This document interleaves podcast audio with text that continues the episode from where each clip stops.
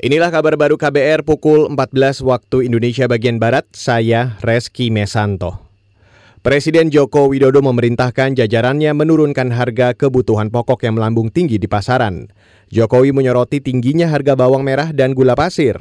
Kata Jokowi, harga kedua bahan pokok tersebut di atas harga rata-rata eceran. Eh, bawang merah yang harga rata-rata nasionalnya masih di angka 51 ribu, jauh dari harga acuan untuk bawang merah yaitu 32 ribu. Kemudian juga gula pasir sampai saat ini, seperti ini terus saya kejar, sampai saat ini harga juga masih 17.000 sampai 17.500. Presiden Jokowi menginginkan agar jajarannya mengidentifikasi penyebab tingginya harga kedua bahan tersebut. Menurutnya, masalah distribusi maupun stok perlu segera dibenahi. Ia juga mengingatkan pentingnya penelusuran lebih lanjut soal adanya kemungkinan permainan harga di pasaran. Beralih ke kabar selanjutnya, BUMN Farmasi PT Kimia Farma menghentikan sementara distribusi produk rapid test Biozek dari manufaktur Inzek International Trading BV asal Belanda. Penghentian karena beredar kabar alat uji deteksi dini COVID-19 tersebut diproduksi di Cina dengan tingkat akurasi yang rendah.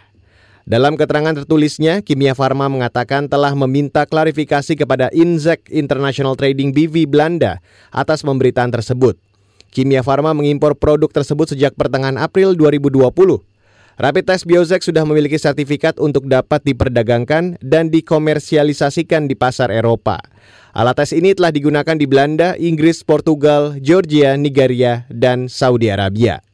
Saudara, sedikitnya 16 orang tewas saat kelompok bersenjata menyerang rumah sakit bersalin di Kabul, Afghanistan. Serangan dengan menyamar sebagai polisi itu juga menewaskan dua bayi yang baru lahir di tempat yang dikelola Organisasi Kemanusiaan Internasional Dokter Lintas Batas. Dalam satu serangan terpisah pada hari yang sama, seorang pembom bunuh diri menyerang penguburan seorang komandan polisi di Provinsi Timur Nangahar. Serangan ini menewaskan sedikitnya 24 orang. Belum ada pihak yang mengaku bertanggung jawab atas salah satu serangan itu. Taliban, kelompok pemberontak utama, mengatakan tidak terlibat dalam kedua serangan itu. Serangan diduga dilakukan kelompok militan ISIS. Dugaan itu muncul setelah Senin pasukan keamanan penangkap pemimpin wilayah ISIS di ibu kota.